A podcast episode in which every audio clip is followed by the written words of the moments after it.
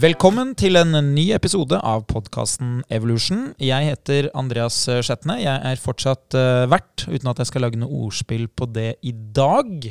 Vi uh, har ganske god stemning her før start. Uh, noen forteller ufrivillige vitser med håndbevegelser som lager humor for oss andre som er til stede. Det var deg, Sindre. Velkommen. Jo, takk skal du ha. Og den eh, andre som var i salen og lo av eh, litt ufrivillig standup her, det er eh, en fast gjest som har vært litt av og på i det siste, men endelig er tilbake. Velkommen til deg, Linnea.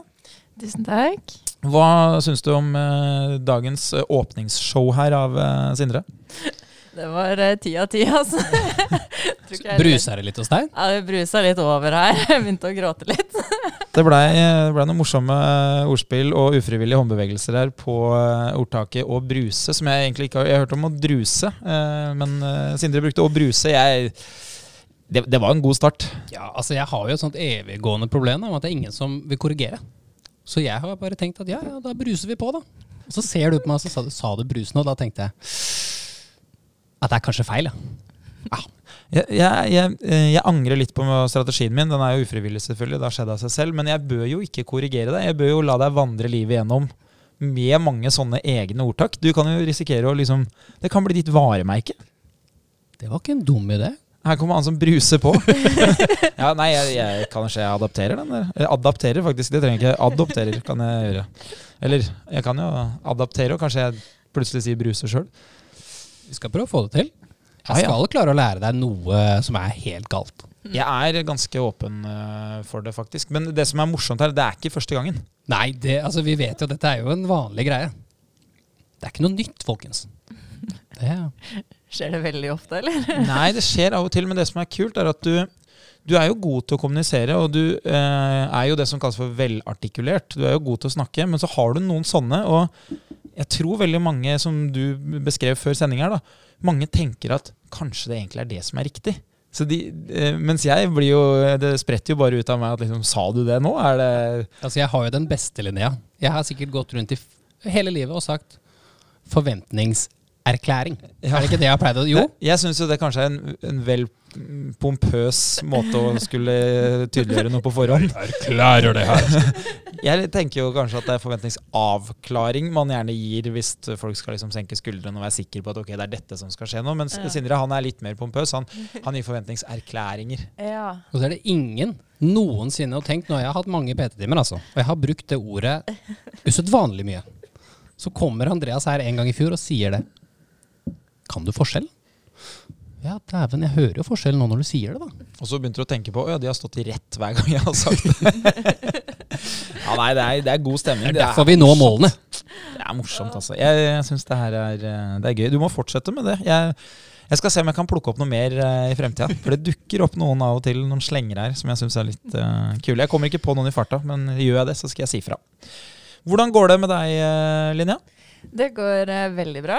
Jeg har hatt noen uh, gode uker uh, med litt forskjellige ting. Det har jo både vært uh, tur til Serbia og en liten feiring av kinesisk nyttår, som fortsatt pågår. Det er noen dager til. Så ja, mye action. Hva gjør man i Serbia? man spiser helt sinnssykt mye god mat og drikker litt vin. Så Serbia er, det, det er en feriedestinasjon?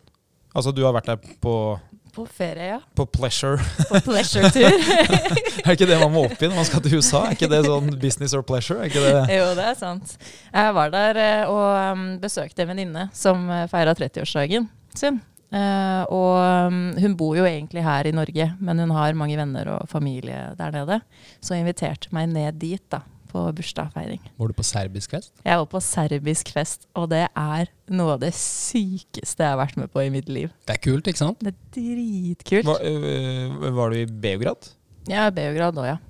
Det, det, her er jo igjen en påstand helt uten dekning, men jeg syns jeg hørte en gang at Beograd er den hovedstaden i Europa med yngst øh, befolkning. Oi.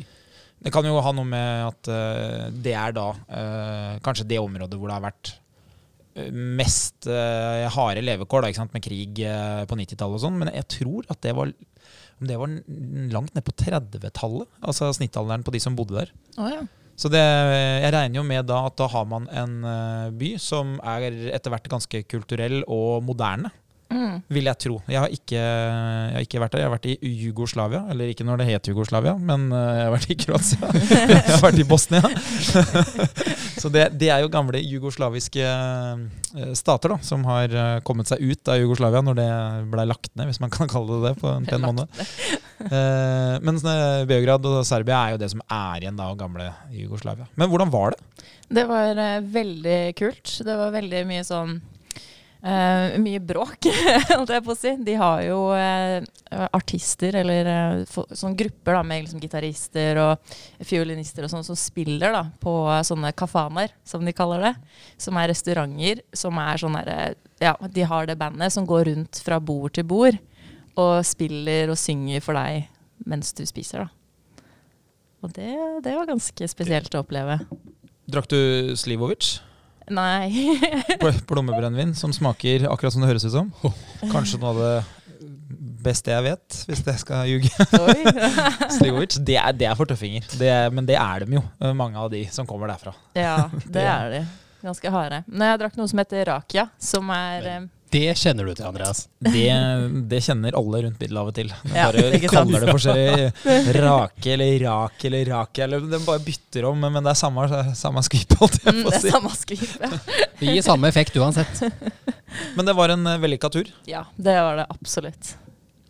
Og så eh, over til kinesisk nyttår. Mm. Eh, det feirer man da eh, litt for seint i forhold til nyttår her. Ja. Hvert eneste år, ikke sant? Ja. Fordi man har en annen kalender. Mm. Og så ender man opp i et år. Hva, hvilket år starter nå, vet du det? Det er eh, dragens år. Oi! Ja. 1988. Dragens år. ja, Det er meg, det, vet du. det er deg. Nei, Er det ditt år? Ja, dragen. Gratulerer så mye med året ditt. Takk for året mitt. Jeg, jeg holdt på å le meg i hjel når jeg satte meg inn i det her, fordi um, det er jo sånn svigers driver med. Jeg, det har jo folk kanskje skjønt, at horoskop og sånn er jo ikke min Det er ikke min sterke side. Det er det ikke. Men jeg eh, jeg har jo den eh, morsomme ting med at jeg, jeg er jo åpen, selv om det ikke på en måte det er jo ikke sånn at jeg syns at det er eh, veldig interessant for meg, men jeg syns det er interessant i seg selv, fordi det er interessant for mange andre. Og det samme sånn med, med kall det liksom kinesiske år. Og, for der får man jo da Da er man et dyr, også basert på når man er født på året, er det ikke det? så får du også da eh, en sammensetning av eh, et eh, element. F.eks. jord, vann, ild. Mm. Og den siste hva er det, luft, kanskje. Og da lurer jeg på om svigers altså Det er ikke han da som er interessert, det er selvfølgelig svigermor. Eh, Det er jo flere damer som interesserer seg for det enn menn, har jeg skjønt. Han tror jeg blei jordrotte. Ja. Han følte ikke han vant lotteriet sånn i beskrivelsen. Nei, når på året er han født? Nei, når, eh, han er født i uh, september. September, ja. Ja, Da lurer jeg på hva du er, Sindre. Jeg tror det var jordrotte. Hvilken rotte du er. Jeg er i hvert fall en rotte. Ja, vi er rotter. Ja. Jeg er flammerotte. Rat, rats. April. Ja, jeg vet ikke. Kanskje du er metall? Eller te Det tre? Jeg lurer på om jeg er sånn um, Kan jeg stemme at jeg er flammedraget? Wow. Da, da er det fest. Da er det fest. Det er full Men det høres ut som topp ti. Altså det høres ut som ti av ti. Det Ja. må jo være det beste å være. Ja, jeg vil jo bare si det her nå, at nå snakker vi om ting vi ikke har peiling på. Ja, det er det jo. I hele tatt. Dette er ikke trening. Nei. Eh, I tillegg så er det jo sånn at jeg er jo da født i november, slutten av november, så jeg er jo skytt. Mm. Og det òg er jo tydeligvis sånn uh, som skaper furore i uh, fellesskap, da. Har jeg fått høre. Ja. Men det stemmer jo litt, det. Det jeg liker aller Ja, det, det stemmer veldig bra. Eh, det jeg liker aller aller best med horoskop, det er jo eh, kommunikasjonsevnen til å snakke til alle, selv om alle føler at det er personlig. Ja. Det, det er jo det jeg syns er fantastisk. Liksom når du gjør tester på det, så kan du gi til hvem som helst, og alle tenker det er meg. Nei, ikke hvis du leser litt nøyere. Du vil ikke gå inn i den diskusjonen. Nei, jeg skal ikke gå inn i den, men eh, det Ja. Men for meg ikke sant, så er det sånn da at uh, det er ikke så viktig hva som er kalle rett og galt. og Det viktigste er hva det fører til. og Hvis folk føler det, at det treffer de, og at det motiverer de til å yte bedre og få mer av det de har lyst til, det er helt greit for meg. Mm. Det, er, det er nesten så jeg sier sånn som han eh, Dag. Eh, Atle Antonsen spilte jo rollen Dag i serien sin når han var sånn samlivsterapeut. Det er samme for meg hva som får deg gjennom dagen. Om det er å banke samboeren eller om det er å ta piller. Bare kom deg gjennom dagen. Det er fælt å si, men, eh, ja, ja, det, som får deg gjennom. Kjør på. Det er horoskop eller trening. Men vi kan trening, så det er det vi skal holde oss til. Ja. Jeg tror det. Eh, hvordan går det med treninga, da? Ble det noe trening i uh, Serbia? Eh, ikke i Serbia, dessverre. Det fikk jeg ikke tid til. Um, vi hadde veldig mye på planene, så det ble en uh, eksamen heller. Midt oppi det hele. Uh, men uh, ellers så har det vært veldig mye trening sånn på crossfit og mer sånn baseøvelser, da, som jeg snakka om tidligere i år. Jeg ser jo for meg at de som er fra Republika Serbska, de kan være gode i crossfit. Ja. jeg vet i hvert fall at de er veldig gode i basket. Ja, og Håndballandslaget ser ut som de kommer fra en fabrikk hvor alle blir produsert på 200 cm og 100 kg. Ja, Det er litt sånn som basketen, bare at det ser ikke ut som at de kommer fra en bra fabrikk. Han ser jo ikke ut som en god idrettsutøver sånn egentlig, selv om han er verdens beste. Ja, fader, han er jo serber, han basketspilleren. Nikola Jokic. Han er jo mest kjent for kule videoer offseason. Ja, han er jo Altså, jeg har et godt forhold til Serbia. For det han gjør når det ikke er sesong, da drar han hjem, og så jobber han med hestene sine, for han elsker veddeløpshester. Og så danser han og fester mye. Og det er det eneste videoen du ser hele sommeren. Og så har jeg sett eh, en ting til jeg tror jeg har sett. Er, han driver og fisker, gjør han ikke det? Og så har han en sånn liten, tråd, sånn liten tohjulssykkel som han driver og du- druser gjennom på i landsbyen sin. Favorittfilmen min med han er jo når han sitter på sånn eh, intervju, altså sånn svær pressekonferanse. og så får han spørsmål om en eller annen sånn, det er sånn mottakelse for de som vinner NB, når du skal ta imot premie og bli hylla og sånn. Og så uh, sier han ja, er du klar for det og gleder deg til det? og sånn? Så sier han hæ, ja, når er det? Så bare ja, det er jo da neste torsdag, eller hva jeg sier? Neste torsdag? Ja, men det passer ikke. Så bare, er det en igjen som sier hvorfor ikke? Så, jeg, skal hjem. jeg skal hjem til Serbia, liksom. Jeg, har ikke tida til det tullet her. Jeg er jo fri. I want to play with my horses. Og det er liksom sånn, Hvis du har sett sånn video, det, det der homecoming-greiene der, er jo sånn I Chicago var det jo sånn 200 000 mennesker eller noe Ja, det er de i alle de byene. Det blir så svære paradefester. ja, jeg tror kanskje at klubben liksom tenker at det er smart at uh, bestespilleren det året er med hjem. da. Det, Det ville vært fordelaktig.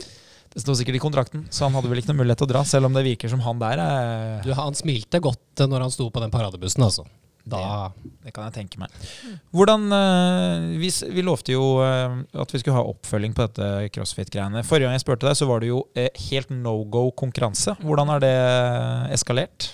Det er fortsatt no go-konkurranse. Ja, Jeg ga det jo til påske, så jeg har jo eh, midt på tørre enda. Eh, hva er det som har blitt bedre, og hva Det er ikke sikkert at du har blitt dårligere, men det kan hende du har skjønt tydeligere at det er eh, noe som eh, er større utfordring enn det du trodde. Uh, ja, noe som har blitt bedre, i hvert fall, er jo de her uh, cleansa og thrustersene og de øvelsene her, da. Um, forrige lørdag så var jeg jo på CrossFit, og da hadde vi en sånn AMRAP-greie da, på 35 minutter. As many rounds as possible, for dere som ikke skjønte det. Eh, og da skulle vi gjøre cleans. 20 cleans. Hva er det? Det er eh, den hvor du går fra markløftposisjon, så skal du bruke kraft fra hofta for å flippe stanga opp på skuldrene dine. En vending? Ja. Ja. Frivending er vel kanskje Hvor mye er det du har på stanga da? Eh, Jeg hadde 25 på den timen. Fordi det var sånn partnerøkt, da, så vi var jo to stykker. Og det var den vekta vi begge var komfortable med. Uh, og jeg merka fort at det kanskje var bitte litt for lett. For stangen spratt ganske høyt opp, og når den landa på skulderen min, så ble det veldig tungt og veldig vondt. Så jeg har nå to veldig blå skuldre. Det er et tegn på at man har tatt i litt når man begynner å bli litt blå på skuldra. Ja. Det er tungt nok. Det- Ja, det er ikke tungt nok, for det spretter jo for høyt. Så da blir det liksom. Jeg bruker er for, for mye mye kraft. Ja. Så jeg må ha litt tyngre, sånn at jeg kan heller gå under stanga, istedenfor at den går nesten over meg, på en måte. Men du sier at det er en sånn amrap, Ja, og så er det en partnerøkt. Så du gjør 20 sånne cleans først? Ja det er, alt er delt på to, da. Okay. Så det, er, det var 20 cleans. Så 10 og hver? Ja, 10 Ja. Og så var det 22 kalorier roing, altså 11 kalorier hver. Og så var det um, eh, 40 snatch med dumbbells. Enarms, da. Så det blir 10 på hver arm. Og så var det 100 eh, hoppe... Og det var på 35 minutter. Ja. Det er en veldig sammensatt og effektiv økt, da. Ja. Det høres tungt ut, syns jeg. Jeg vet ikke hva du tenker? Ja, nei, Det må jo være ganske intensivt. Du, eh, bare sånn kjapt. Snatch, det er jo en veldig bra film. Men, men det, det er ikke vi snakker om her. Det er at man da tar og vender den eh, For det var med kettlebell, var det? Nei. Jo, Med dumbbell brukte vi det.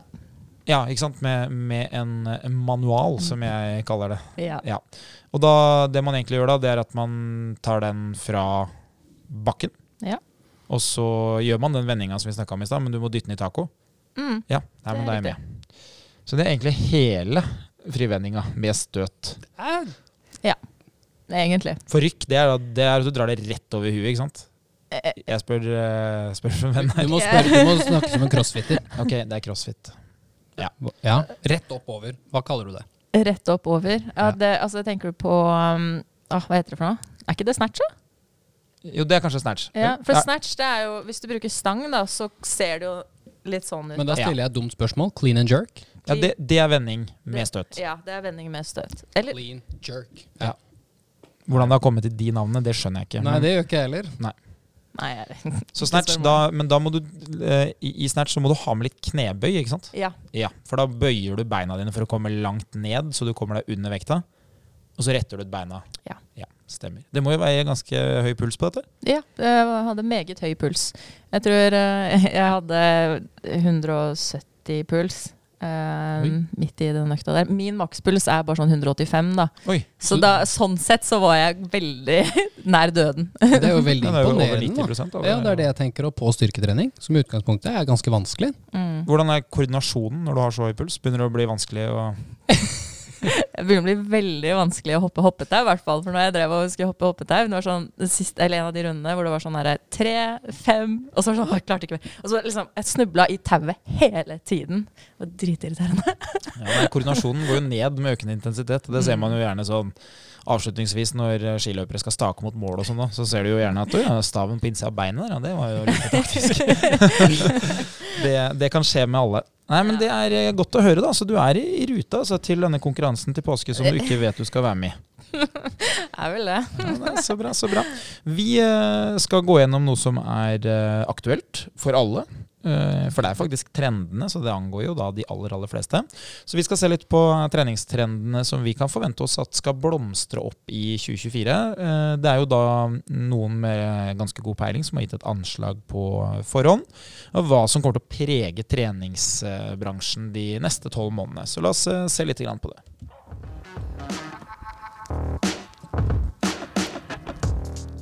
Vi tar for oss eh, topp 10-lista. Vi starter på punkt ti. 10. Der trenger vi egentlig ikke å si så veldig mye, for det er jo eh, vårt liv, eh, vårt virke og eh, vårt mantra, holdt jeg på å si. Det er jo personlig trening.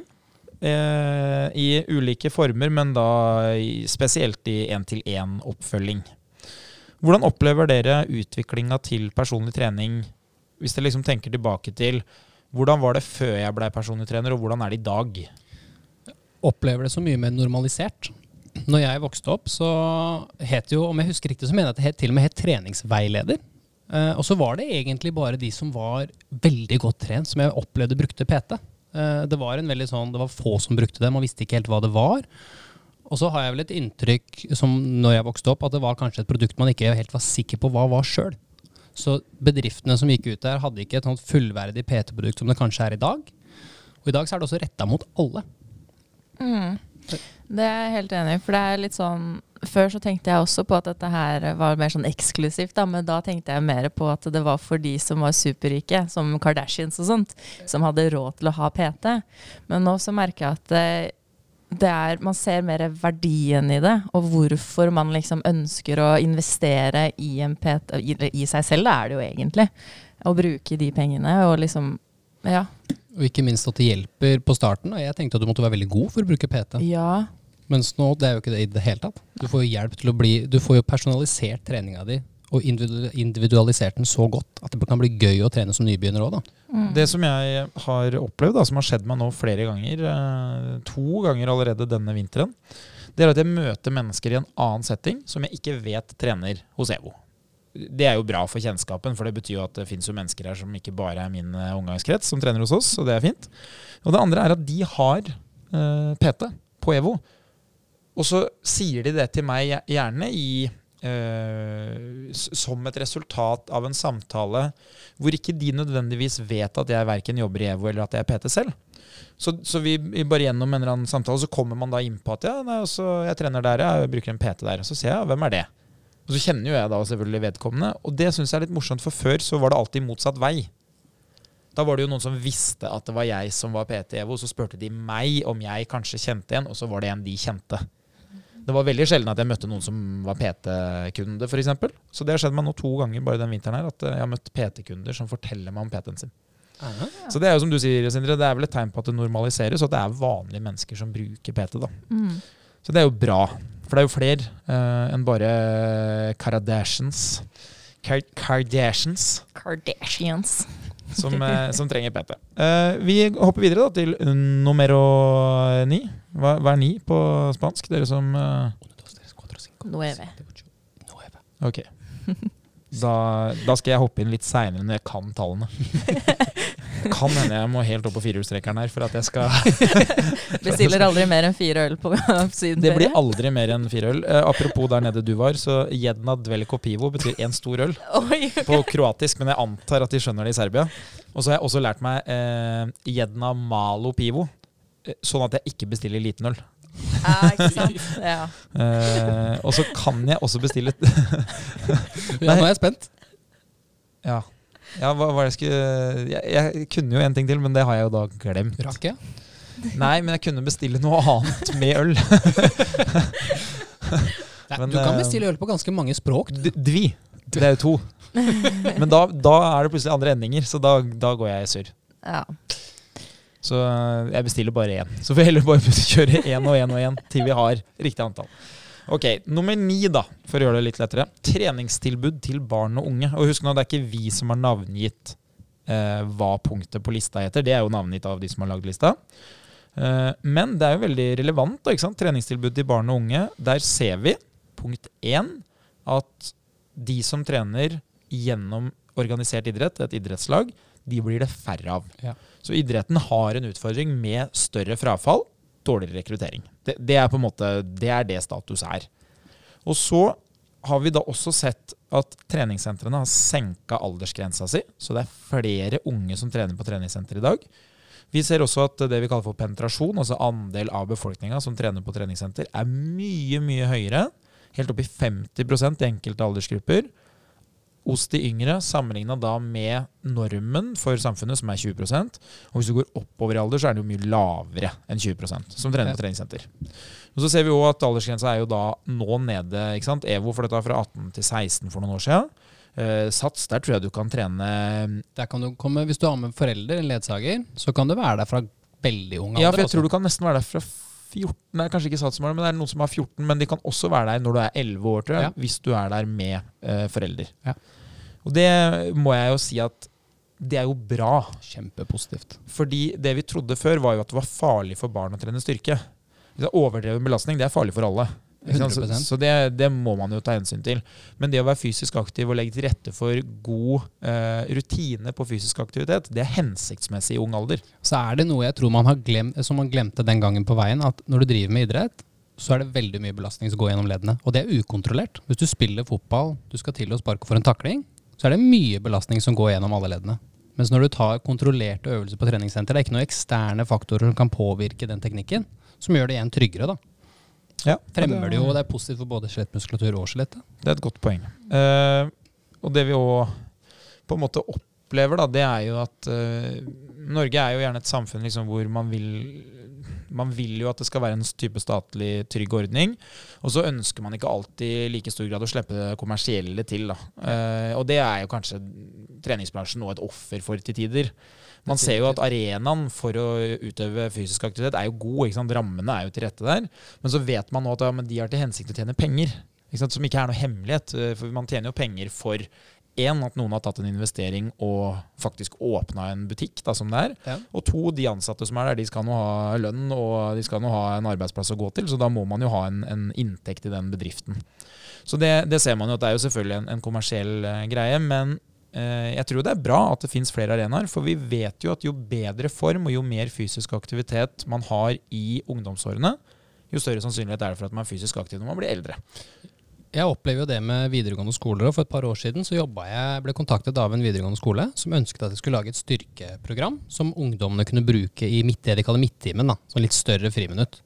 Og det vi så var jo at det blei flere elever som syntes det var litt lettere å sitte på skolebenken. For da fikk du beveget deg godt. Og det vi opplevde med styrketrening, var jo at de syntes det var veldig morsomt, fordi du måler kun mot deg sjøl. Ja, du konkurrerer litt med vennene dine, men du ser fremgang i deg selv. Så hvis du følger samme planen hver onsdag, og du ser at du blir bedre, så kommer mestringsfølelsen også. Og det er jo også noe som er fint med ungdommene, og kan også være en grunn til at frafallet fra idretten har økt litt. Mye lettere å bli sett og hørt når du trener med deg selv. Ja, ikke sant? Ja, det er sant. Det er sant. Uh, en siste ting jeg vil bemerke da, når det gjelder treningstilbud til barn og unge, er jo det som jeg selv har vært med på eh, i høst. Det er jo da at det fins veldig mange private muligheter nå til å være med. Så vi har jo da ei på to og et halvt år hjemme som har vært med på turn. Så i ti uker så har hun vært med på turn, og det er jo en, en tjeneste vi har kjøpt. For det er ikke noe idrettslag som åpner opp turnhallen sin for to og et halvt åringer. Uh, ja, det er jo det nå, da, faktisk. Men det var ikke det før. Og det er ikke overalt. Men jeg, jeg vet at det faktisk fins det, for jeg har vært og sett på en kompis. Eh, tilfeldig, for jeg skulle se på eh, eh, samboeren min sine nieser. Og første nummer i denne turnforestillingen, da dukka min kompis opp med eh, sine barn. og der vet jeg at det yngste barnet er jo da like gammelt som mitt, så det, så det fins da i eh, idrettslag. Så det er jo litt morsomt. Men nå fins det jo ikke sant, sånn turngruppe, da, men det fins jo for fotball. Jeg vet det fins private fotballakademier. Det fins veldig mange flere muligheter til å kjøpe seg tilgang til trening Ja. enn å gå via liksom sånn organisert uh, idrett via eh, Norges idrettsforbund, f.eks. Vi hopper til uh, nummer åtte, som er trening for uh, mental helse. Det har jo vært litt i, eh, i vinden de siste årene. Vi ser jo at eh, det finnes mange studier som viser at eh, fysisk aktivitet er bra for det mentale. Er det noe du har lagt merke til inne på treningssenteret, Linnea? At eh, folk eh, på en måte også bruker trening fordi at det er bra mentalt, ikke bare at de skal ha større og sterkere armer eller eh, bli tynnere, eller det som er liksom klassiske ting vi har sett tidligere? Ja, absolutt. Jeg merker det. Jeg tror egentlig det er det som er den mest gjennomgående årsaken for de fleste av kundene mine. da.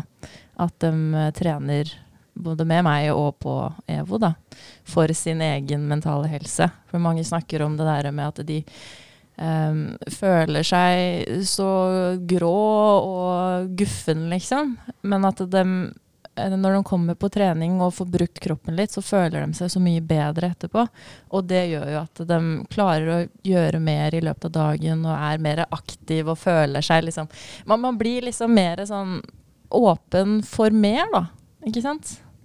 Hva med deg, Sindre? Hva, hva sier eh, kundene dine om eh, liksom mentale endringer ved å være fysisk aktiv? Jeg syns det er veldig morsomt. Eh, Det er veldig få som ser for seg at det skal være noe magisk pille. Og så begynner man å trene og komme litt i gang, og så blir du plutselig til et sted som var et, et krav. Jeg må være her fordi. Til å være dette er mitt fristed. Her kobler jeg av. Her føler jeg mestring. Og her kjenner jeg at jeg føler meg bedre når jeg går ut døra etterpå. Du får jo en sånn uh, trippeleffekt der, da, ikke sant? fordi um, du frigir hormoner som gjør deg lykkeligere. Ikke sant? Så, så vi vet jo at det motvirker jo eh, Kall det litt mentalt stress da, ikke sant? ved, ved å være fysisk aktiv. Og så er det ofte sånn at hvis du er fysisk aktiv over tid, du trener med en PT, da, som dere beskriver, så vil jeg jo bli bedre til det jeg driver med. Som ofte bygger liksom selvtillit og et bedre selvbilde, fordi man innerst inne forstår at denne treningen er det jo jeg som har sørga for. Det er jo, resultatet er jo mitt. Ja. Og så um, får man en annen effekt som, eh, som er, Det er ikke så lett å måle, da, men du har gjort noe som er bra for deg. Det- eh, Som jeg pleier å si til PT-studentene, hvis du møter et menneske som er villig til å diskutere med deg om det er bra å trene eller ikke, så ta den diskusjonen, for det er veldig fascinerende. Fordi det er så få mennesker som har det synet. De aller fleste er jo helt, helt enige om at trening er bra. Det er det å gjennomføre det som er vanskelig. Ja. Så selv de som aldri trener, har jo på en måte en, en litt sånn uggen følelse av at de kanskje burde vært mer fysisk aktive, og de prøver jo veldig ofte av og til å liksom komme i gang med det.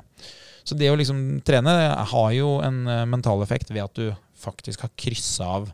Som å eh, rydde, vaske hjemme, eh, spare penger, sette av til pensjon. Altså, Mm. de tingene vil jo, selv om de er ikke alltid liksom de beste oppgavene, vil jo gi en god følelse. da. Yes. Fordi Ja. jeg vet det er smart for meg å gjøre det. liksom. Ja. Så det, det vil vi jo se igjen. Hva med nummer syv her, da? Treningsapp. Hva bruker du, Linnea, selv som treningsapp? Som treningsapp ingenting. Men eh, det er jo fordi jeg liker å notere med blokk og sånt, da. Men det skjønner jeg at det ikke er så veldig mange andre som gidder å fly rundt med på treningssenteret. Eh, For eksempel han samboeren min, han er jo veldig glad i apper og duppeditter og duppedatter. Så han har jo en eh, treningsapp eh, som heter Heavy. Vet ikke om dere har hørt om den? Jo. Ja. Han bruker jo den på mobil og på klokka. For den funker faktisk på å notere via Apple Watchen hans. da. Så det er kult. Det er veldig stilig. Mm. Hva med deg, eh, Sindre? Hvilke andre enn eh, Netflix bruker du? Eh, Disney pluss? Jeg bruker faktisk Netflix da, på TV-en. gjør du det? Ja, men det er jo på en måte ikke en treningsapp i den grad. Men ja. Jeg, jeg bruker, hvis jeg løper eh, mye, så bruker jeg Strava. Syns det er veldig flott. Og så bruker jeg en app som heter Train Heroic. Veldig, veldig fancy navn, men det er bare fordi jeg har en PT som følger meg opp via den appen. Så har jeg treningsprogrammet logga der inne. Syns det er veldig greit. Kult. Ja, Og så bruker jeg jo den på klokka, da, selvfølgelig. Polar. Nei, nå bruker jeg på Apple Watchen, så nå bruker jeg en sånn Ja, der den trening. Ja, det er vel bare det den heter. Ja, samme som jeg bruker. Når jeg mente Netflix, så mente jeg selvfølgelig at jeg bruker det når jeg løper på mølla. Ikke at jeg sitter i sofaen og ser på Netflix. Det var ikke det. Det ville jo vært helt uh, off i forhold til det vi snakka om. Men jeg bruker det som en app når jeg trener, fordi jeg da ser på et eller annet. Ja, for du løper en del, du. Ja, det, det gjør jeg faktisk. Men det må jo være ganske digg å sitte og se på TV mens du løper. Du, I går hadde jeg en av de bedre dagene på mølla. Eh, en kombinasjon av enkle ting. Uh, jeg løp eh, intervall. Uh, jeg løp uh, 10 minutter, uh, som da blei 10 000 meter, for jeg løp akkurat på 15 km i timen, som er da 1000 meter på 4 minutter. Og så har jeg ikke løpt så systematisk den type intervaller i det siste, så da fikk jeg litt høyere puls enn jeg fortjener. Uten å gjøre for mye jobb, fordi kroppen ikke er helt vant til det. Så det, teknikken eller arbeidsøkonomien ikke var sånn 100% Den blir jo bedre ganske kjapt. Og så eh, gjorde jeg en ting som, eh, som jeg har gleda meg til å gjøre. Og det er jo Jeg har jo vært stor fan av de eh, gamle Tom Cruise-filmene. Altså ikke, ikke Mission Impossible 16, som du eh, refererer til når du tenker gammel, Sindre. Men han, han lagde også filmer når han blei kjent eh, på slutten av 80-tallet. Du, du har jo eh, Cocktail, for eksempel, når han er bartender. Men det er ikke den filmen som på en måte er den Det er ikke den som er den store. Top Gun, Top Gun. Og det har jo kommet da en ny Top Gun-film for eh, to år siden. den så jeg her om dagen. Ja, og jeg har ikke sett den, så jeg så den nå. For den er jo da lagt ut på Netflix. Så jeg, eh, jeg mangler da en eh, 30 minutter av Top Gun Maverick. Og fordelen med å se den i går da, var jo at jeg hadde jo da eh, litt lav opplevd intensitet, høy puls. Men den lave opplevde intensiteten gjør jo at jeg kan følge med på TV-en. Så i går kunne jeg da se film og løpeintervaller, som da vanligvis er vanskelig å få til.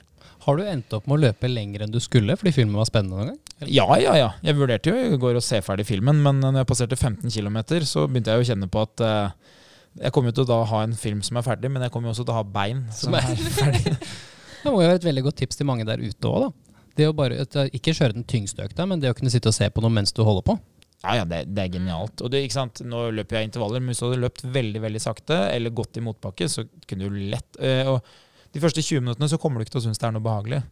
Men når du passerer liksom eh, 40 minutter, 50 minutter, så blir det sånn ja, 10 minutter fra eller til. eh, Jeg vil bare se ferdig det her nå. Når jeg først har liksom investert så mye tid i det. Så det er, en, eh, det er en mulighet. Det er jo da ikke den treningsappen jeg bruker mest. For som du sier, jeg løper en del, så jeg bruker jo Strava. Ja.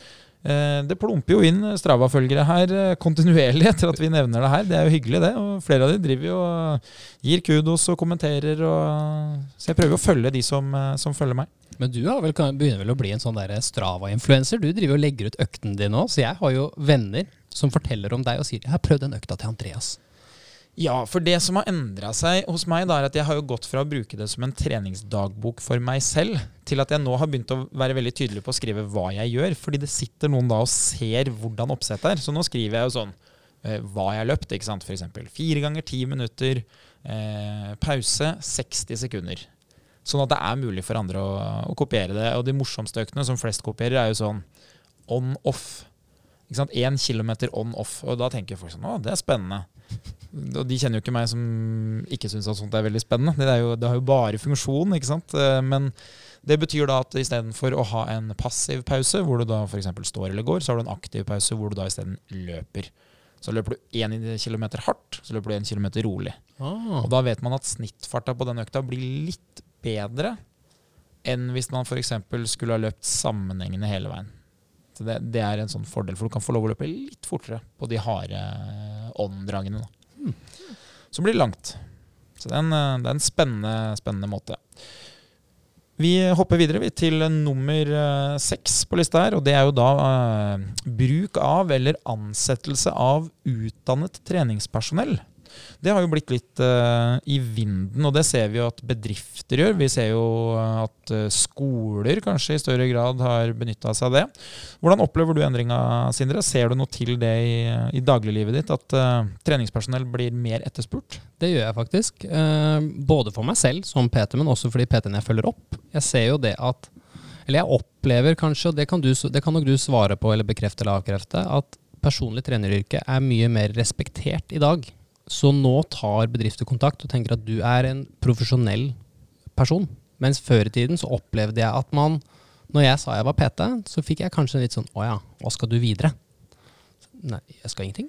Jeg trives egentlig veldig godt, jeg. Hva med deg, Linnea? Har du, har du sett noe til det? At eh, PT-er f.eks. kan brukes til mer, eller at treningspersonell får nye muligheter i dag enn det man fikk tidligere?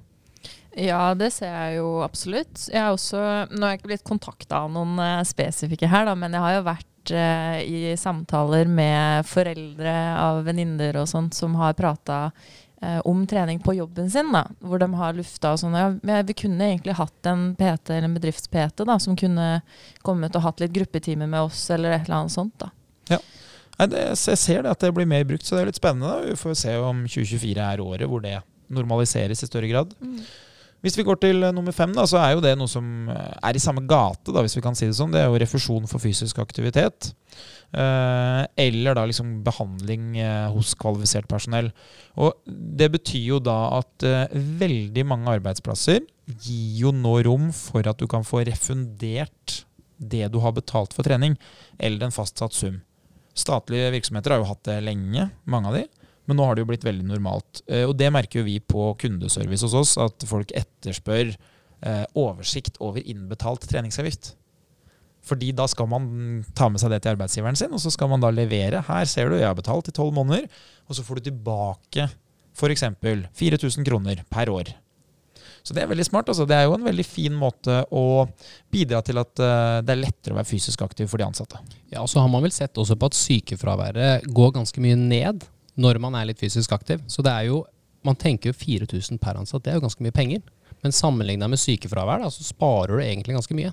Det er en veldig kul trend. Ja, og så tenker man ofte sånn Ja, ja, men de som trener, de trener uansett. Eh, 4000 ganger alle ansatte er mange. Men du trenger ikke å vende mange. Altså Hvis du sier at du har 100 ansatte, da, og to-tre ekstra er fysisk aktive ved å få en sånn mulighet, og det er en av de, si to-tre, da, som faktisk hadde blitt sykmeldt, langtidssykmeldt, så vil nesten investeringa være verdt i utgangspunktet. ikke sant? Så jeg det har ikke hatt så kunder som kommer med akkurat det. Som har vært på kanten på sykemeldt. Sliter kanskje med nakkeproblemer, skulderproblemer, klasse skal sitte en del på kontor og mye stress. Så begynner vi med fysisk aktivitet. og Det er ingenting revolusjonerende, men vi begynner å bevege kroppen igjen.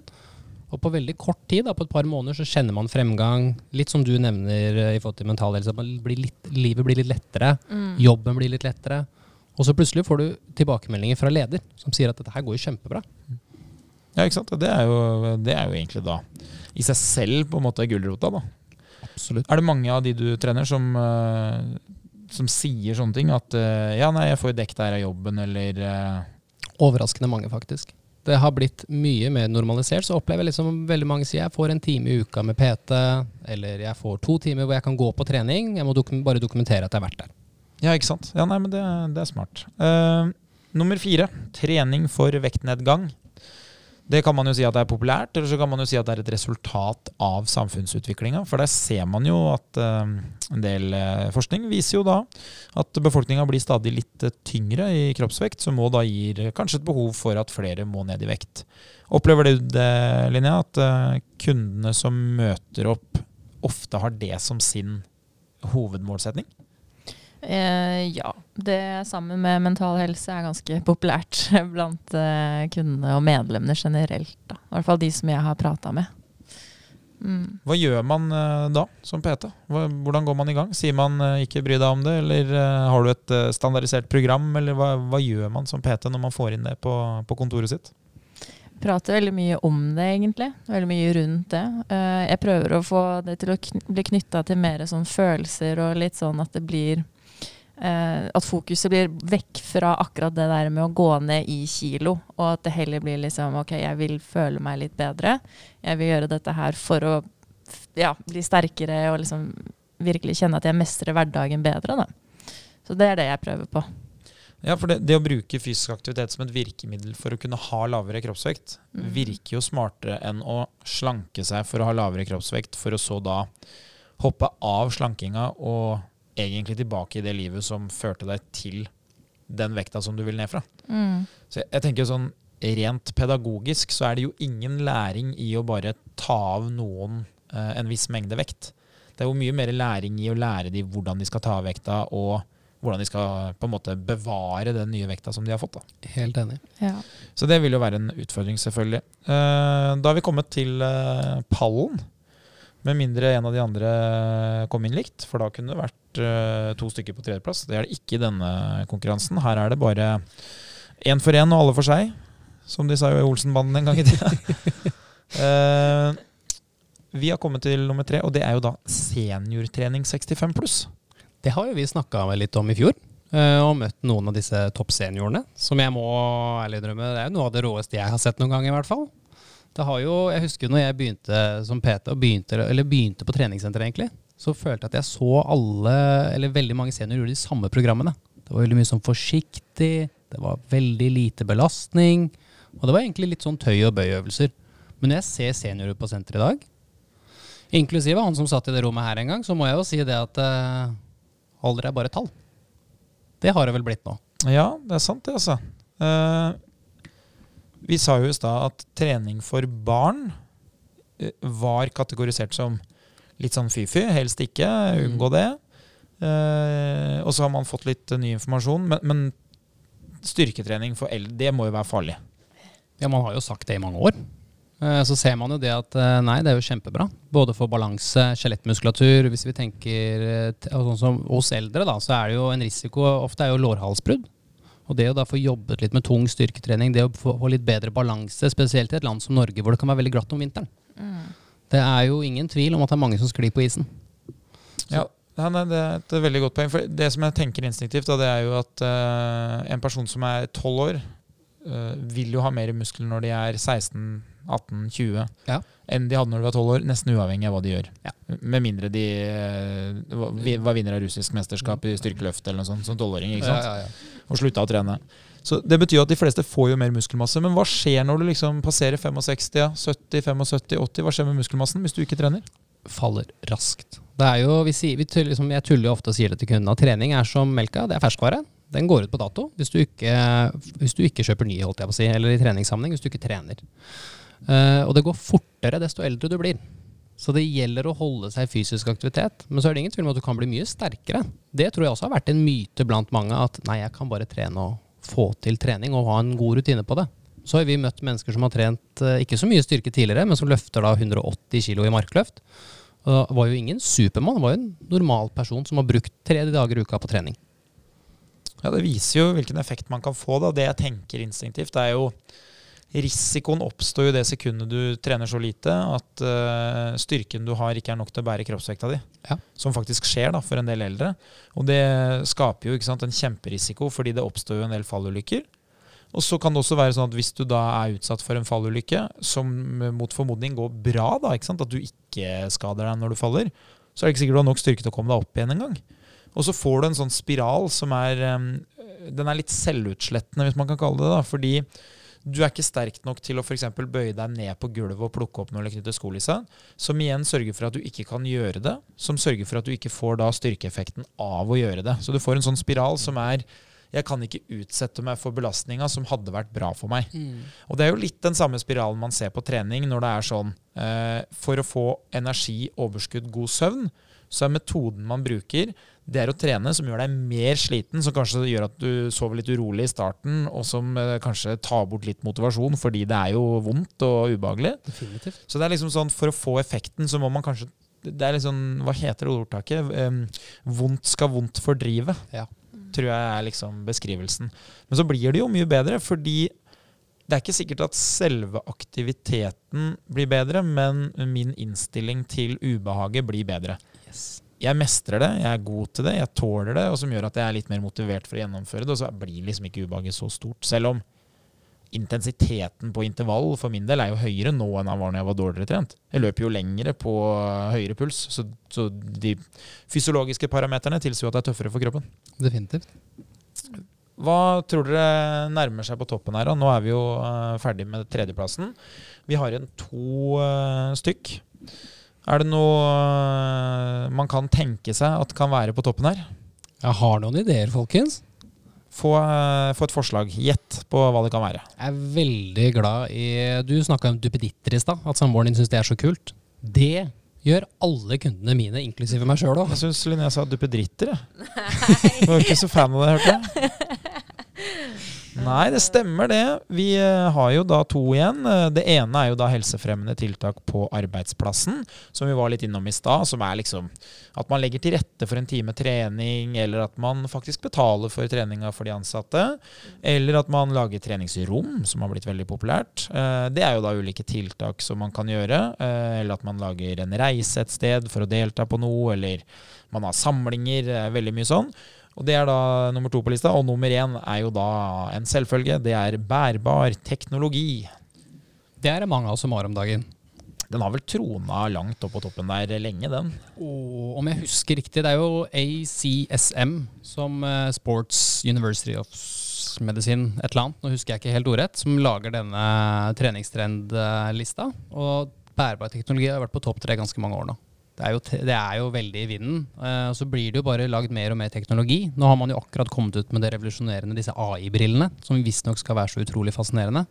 Så det er nok noe som er kommet for å bli en stund, altså. Det er jo sånn at eh, bærbar teknologi kan jo bedre treningsopplevelsen. Eh, jeg tenker jo instinktivt én, den kan loggføre bedre enn den boka du skriver i, Linnea. Jeg, eh, jeg støtter, som jeg sa i stad, jeg støtter alt som får deg gjennom eh, oppgavene. Jeg støtter 100% å skrive bok. Jeg har gjort det i mange år sjøl. Men det er klart, sånn som når jeg løper nå og bruker Strava, så er det jo fryktelig mye lettere for meg at Strava har tatt vare på antall kilometer, hastighet, intensitet, og at jeg bare kan notere hva jeg gjorde, enn at jeg skal sitte og skrive ned sånn som jeg gjorde før. Ja. Det må jeg jo innrømme. Og så kan jeg til og med få GPS-referanser på hvor jeg var, og neste gang jeg løper, så kan jeg få vite om jeg har løpt fortere eller saktere på samme område. Ja, jeg ser det, men du kan ikke drive og drodle mens du sitter i pausen. Det kan du vel? Det kan du ikke. Nei, ikke sant? Så det, det, drodling frafaller, det, den ser jeg. Så det er det ene, at det er en god loggbok. Og det andre er jo at det er en god eh, kilde for intensitetsstyring underveis. Ja. Eh, kanskje ikke i styrketrening, men i eh, kondisjonstrening så vil det jo gi deg tilgang til å kunne se hvor høy intensiteten er gjennom hjertefrekvensen din. Og så vet man at hvis man eh, ser på kurven over hjertefrekvens når man driver med fysisk aktivitet, så vil den ligne veldig på oksygenopptaket, altså forbruk av oksygen. Så det å måle puls er en mye billigere og enklere metode enn å måle oksygenopptak, som er en mye bedre standard. Så kunne man jo òg tatt uh, stikk i fingeren og testa laktat, men det er jo en mer avansert og dyrere måte enn å bruke puls. Så, så det tilbyr jo veldig mange av de eh, nye på en måte teknologiske tingene. Da. Så fins det jo mye annet enn det. Men det er jo én ting bærbar teknologi ikke hjelper med. Som, som i hvert fall for meg er helt tydelig at er det største problemet til de aller, aller fleste. Gjennomførelse? Det er jo gjennomføring, liksom. Det, det å evne å møte opp og trene, eh, nei, på trening og trene, der ser det ikke ut som bærbar teknologi helt har knekt koden ennå. er jo som du sier, det tilrettelegger jo for at det skal bli mye lettere å gjøre selve treningsøkta, og det kanskje det også skal bli litt morsommere. Men du må jo møte opp og gjøre jobben sjøl. En sånn ting som, eh, som jeg har sett eh, og hørt om, det er jo sånn effekten av det man kaller for nudging. Og det er jo det vi opplever med PT-kundene. Det at jeg har en PT-kunde som vet at de skal møte meg neste onsdag på samme tidspunkt. Da er det større sannsynlighet for at de trener i mellomtida. Fordi de har ikke så lyst til å møte meg, og på en måte ikke har gjort det de vet er bra for seg. Så, så det er jo mest av alt skuffelsen eh, de ikke har lyst til å gi til meg. på en måte da. Eh, og det kan man gjøre gjennom type nudging. Det er jo en, en form for nudging som skjer hver uke. ikke sant? Men jeg kunne også sendt dem en melding og skrevet sånn Hei, hvordan går det? Og så ville etter hvert frykten for at jeg sender en sånn melding, eh, skapt den samvittigheten som trengs for å gjennomføre treninga. Så er jo dette her med et negativt fortegn, for det handler jo om at eh, du ikke vil ha ubehaget. Det er jo ikke sånn at du finner noe glede i det egentlig. Men kanskje du gjennom å gjennomføre trening over en periode med en sånn type nudging ville ha funnet noe som du er god til, og som passer deg. Så Sånn sett så kan jo bærbar teknologi bidra i form av at det er plattformer hvor den nudginga kan skje litt sånn for eksempel så eh, har jo både Strava og veldig mange av de eh, Puls-app-leverandørene De har jo et sånt mål på eh, Kall det fitness, da. Sånn score på hvor god du er. Som kan da si at basert på den treninga du har levert nå, så har du falt, eh, falt liksom ned fra det nivået du var på. Så nå må du opp i ringa her. Eller nå er du bedre enn det du har vært før, som kan skape motivasjon. Så Sånn sett så kan jo nudging-effekten komme gjennom bærbar teknologi. da. Er det litt sånn som disse Apple Watchene som har disse Det er vel egentlig alle smartklokker som har det og som har sånne mål som du skal gjennom på hele dagen. Nå skal du reise deg opp tolv ganger i løpet av tolv timer. Du skal gå så og så mye. Ja, sånn, eh, sånn dagsmål. Det, Ja. det har jo vist seg å fungere veldig bra for mange. altså. I hvert fall for det å bevege seg og gå mer. Er Kjempesmart. Enkelt. Det som jeg liker aller best med en del av de klokkene, det er jo at folk får en bedre forståelse av forbrenning. Eh, Fordi mange av de klokkene har gjort en sånn tredeling av forbrenning som er veldig fin. De har da sagt eh, dette er hvileforbrenninga di. Og da skjønner folk etter hvert at den er jo veldig standard, for den, den ender jo på samme tall hver dag, med mindre jeg endrer kroppsvekta mi, som er innstillinga på klokka. Så da skjønner man ok, hvileforbrenning det er jo gjerne det man kaller for en slags konstant. ikke sant? Den, den endrer seg ikke. Og så har du da gjerne eh, et parameter som kanskje er sånn type daglig aktivitet. Som er liksom hvis du går til bussen, så vil du sitte igjen med mer kalorier forbrent i daglig aktivitet enn hvis du hadde hjemmekontor. Og så har du den siste som er trening, som er en variabel som dukker opp sjeldent. da? Fordi det skjer jo ikke hver dag, kanskje. Det skjer to dager i uka. Så de to dagene i uka hvor du både gikk til bussen og trente, så fikk du mye høyere totalforbrenning enn de dagene du hadde hjemmekontor og ikke trente. Ja.